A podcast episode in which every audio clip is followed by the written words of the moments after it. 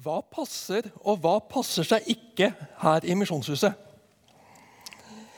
Jeg er glad for at vi har trommesett her på scenen. Vi som ikke bør kalle oss ungdom lenger, vi vet at det var en het debatt i sin tid.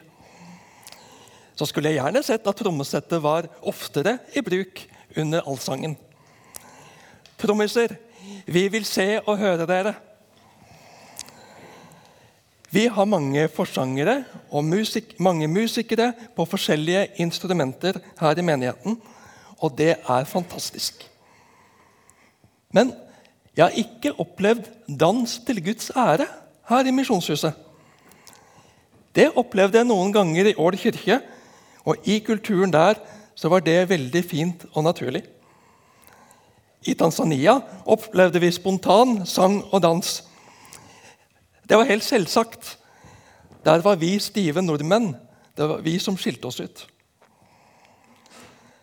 Hva passer, og hva passer seg ikke i Misjonshuset? Hvordan hadde vi reagert om det nå under talen kom inn en som var tydelig preget av et langt og slitsomt liv på gata?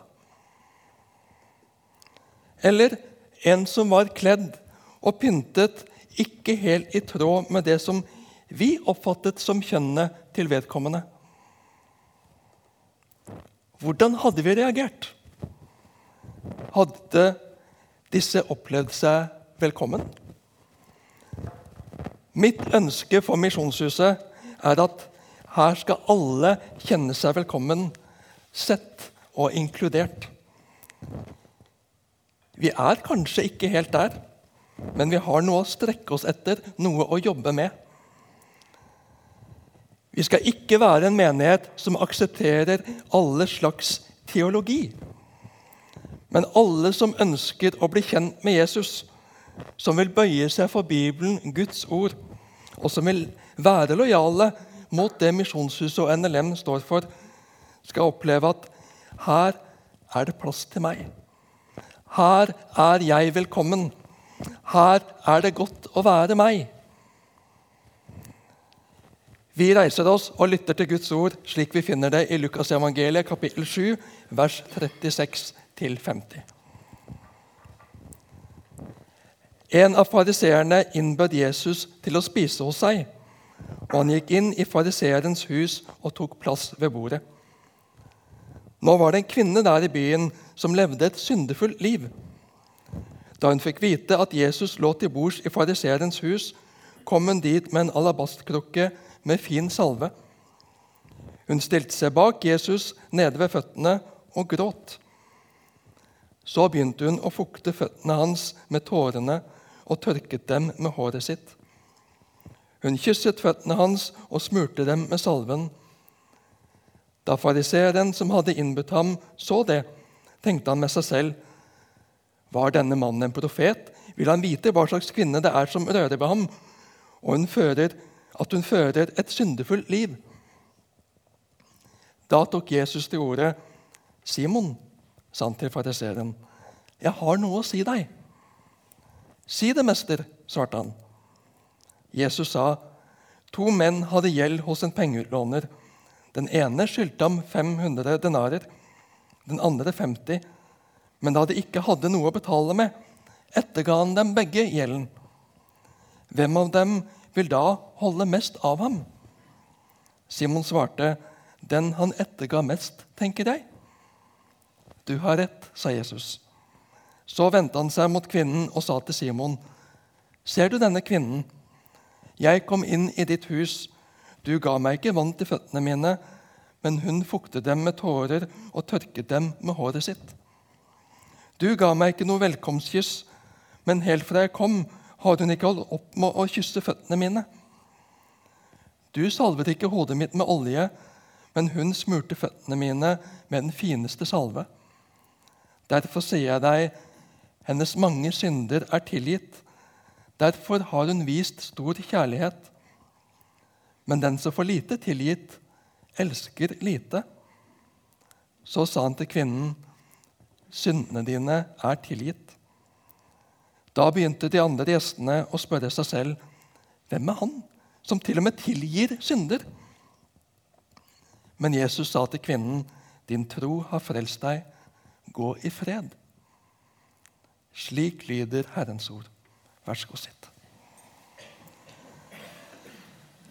Jesus får en invitasjon ifra fariseeren Simon.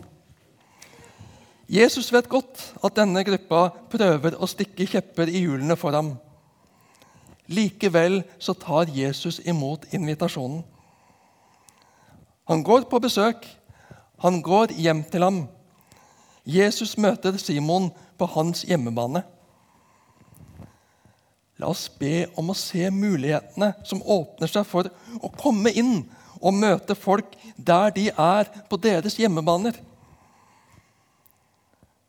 Kanskje var dette i forbindelse med sabbatsfeiringen, hvor det var vanlig å invitere inn til fest og glede og feiring. Gjestfrihet var viktig. Det står at Jesus tok plass ved bordet. Når de høye herrer var samlet, kunne andre ha lyst til og ble også invitert til å se og høre. Og de kunne danne en ytre sirkel utenfor de som sitter, eller rettere sagt mer ligger rundt bordet og spiser og prater. Det var også slik at tradisjonen ga trengende mennesker anledning til å komme og få del i restene etter selskapet. Men når ei bestemt dame kommer inn i rommet, utveksles det noen blikk blant festdeltakerne. De vet hvem denne kvinna er. Hun har et rykte. De vet hva hun livnærer seg med. Nå var det en kvinne der i byen som levde et syndefullt liv, står det. Hun var sannsynligvis ei prostituert. Og det er helt tydelig at hun ikke hører hjemme i dette gode selskap. Det ser vi av vertens reaksjon. Men denne kvinna sitter ikke bare der anonym og forsiktig. Hun kommer med en alabastkrukke med fin salve. Alabastkrukken var laget av myk stein for å bevare kvaliteten av den dyrebare og verdifulle salven som var oppi. Hun sier ingenting, men hun, hun stiller seg bak Jesus ved føttene hans, og hun gråter. Så tårene fukter føttene til Jesus, og hun tørker dem med håret sitt. Hun kysser føttene hans og smører dem med salven. I Isaiah 52, 7, så leser vi hvor fagre de er, der de løper over fjellene, føttene til den som bringer bud, forkynner fred, bringer godt budskap, forkynner frelse. Hun hadde sett noe i Jesus. Hun hadde opplevd noe med Jesus. Hvordan Jesus hadde møtt henne, gjør at blikk får være blikk, Folk får tenke hva de vil. Hun vil med glede ydmyke seg for Jesus. Hun vil tjene ham, hun vil ære ham. Hun tilber ham gjennom sin ydmyke tjeneste. Men den religiøse lederen forstår det ikke. Den religiøse lederen ser det ikke. Tvert imot, han forakter det. Og han forakter Jesus som lar det skje. Var det ikke det jeg visste? Han der Jesus er ikke mye til lærer, som ikke skjønner seg på hva slags kvinne dette er, og ikke setter henne på plass. Og folk kaller ham profet. Hæ? Jesus vet hvordan fariseeren Simon tenker. Simon, jeg har noe å si deg. Simon holder selvfølgelig maska og svarer høflig, 'Si det, mester'. Og så kommer Jesus med en bildefortelling. To menn hadde gjeld hos en pengeutlåner. Den ene skyldte 500 denarer, den andre 50. Men da de ikke hadde noe å betale med, etterga han dem begge gjelden. Hvem av dem vil da holde mest av ham? Og Simon svarer naturlig, den som etterga, han etterga mest, tenker jeg. Og Jesus gir ham rett. Men så utfordrer Jesus Simon. Og Han sammenligner Simon med denne prostituerte kvinna. Jeg kom inn i ditt hus. Du ga meg ikke vann til føttene mine, men hun fuktet dem med tårer og tørket dem med håret sitt. Du ga meg ikke noe velkomstkyss, men helt fra jeg kom, har hun ikke holdt opp med å kysse føttene mine. Du salvet ikke hodet mitt med olje, men hun smurte føttene mine med den fineste salve. Derfor sier jeg deg, hennes mange synder er tilgitt. Derfor har hun vist stor kjærlighet. Men den som får lite tilgitt, elsker lite. Vi kan bare forestille oss hva som rører seg i Simon fariseeren nå. Jeg tipper at det dirrer av sinne inni han. At han våger å sammenligne meg med denne kvinna. Jesus tok imot invitasjonen fra denne skeptiske fariseeren.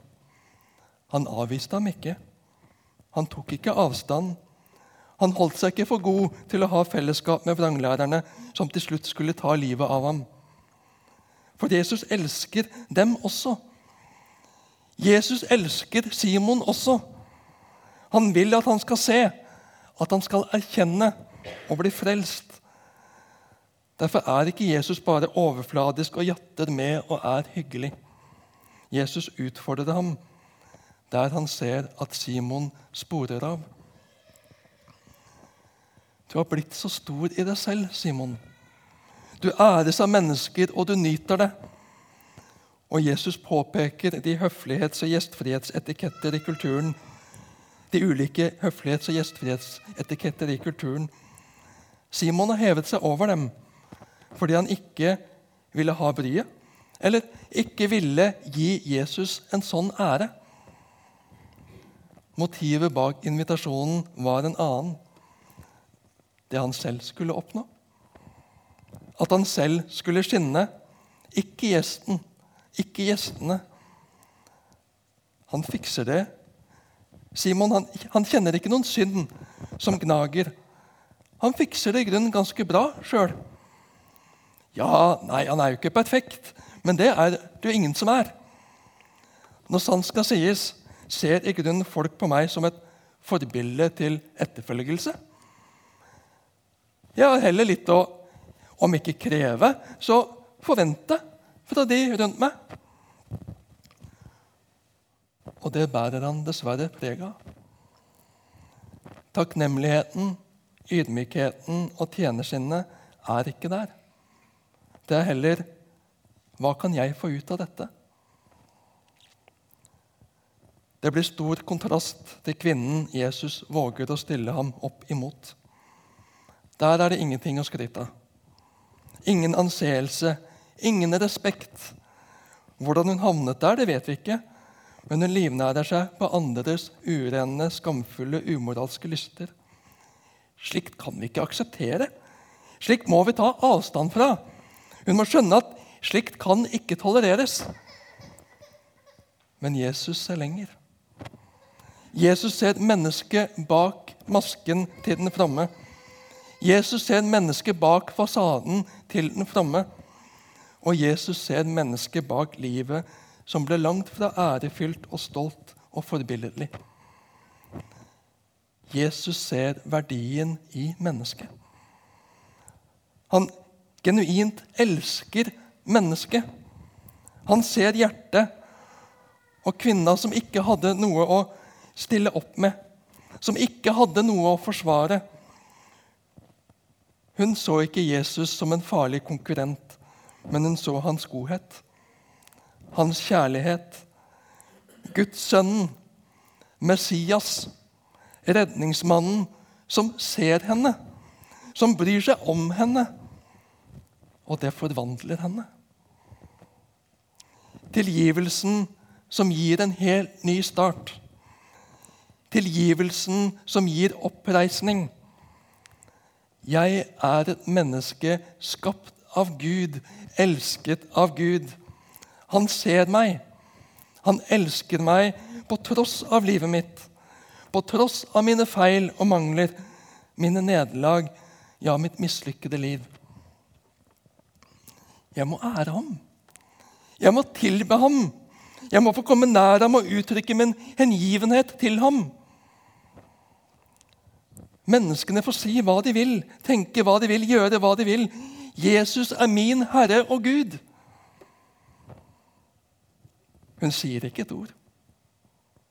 Hun gråter. Tårene renner. I møte med fordømmelsen hadde hun lært seg å stenge av. Møte kaldhet og hardhet med kaldhet og hardhet. Men i mitt miserable liv, som strider til de grader mot det livet Gud har sagt jeg skal leve, så ser han like fullt meg. Ikke med fordømmende, fordømmende øyne, men med varme. Kjærlighetsfulle, inkluderende og mottagende øyne. Jeg fordømmer deg ikke, søster. Jeg tilgir deg. Og det strømmer over hos kvinna. Gledestårer, frigjørelsens tårer, hengivenhetens tårer. Personlig så har ikke jeg så mange fantastiske historier å vise til. I likhet med mange så streifet tanken meg i tenårene, ungdomsåra, at jeg skulle ha flippet skikkelig ut. For så å kunne bli radikalt omvendt, radikalt frelst. Og ha en omvendelse å vise til. Jeg har ikke de store syner og flotte historier å fortelle. Men jeg har fått noen glimt inn i eget liv. Jo da, jeg har noen flaue, skamfulle episoder hvor jeg oppførte meg skikkelig bedritent. Men først og fremst så er det alt det som skjuler seg på innsida, på baksiden av fasaden, så folk flest ikke ser. Av halvhet, av feighet, av egoisme og æresyke. Jesus, hvordan kan du være glad i meg? Du som kjenner meg ut og inn. Du som vet om alt. Kan du tåle meg? Går det an å være glad i en fyr som meg? Som har fått alle muligheter, men likevel er så kald, så sløv, så likegyldig, så smålig og selvopptatt. Jeg er så vanvittig langt ifra det du viser meg som det gode, det rette, det sanne, det hele, det verdige. Kan du virkelig tåle meg? Så har jeg hørt så mange taler. Så jeg har lest i Bibelen med så mange og blande motiver. Men så har Jesus klart å trenge gjennom alle lagene av både selvforherligelse og selvforakt og vist meg at han elsker meg at han bryr seg om meg. Han kom for min skyld, for å frelse meg. For å fri meg fra alt i meg selv som trekker i motsatt retning av ham, av Gud. Han har tatt det. Han har båret det. Han har gjort opp for det. Like fullt så står jeg stadig overfor valget. Hvem vil jeg være? Hvem vil jeg framstå som? Fariseeren i betydningen den vellykkede, den forbilledlige.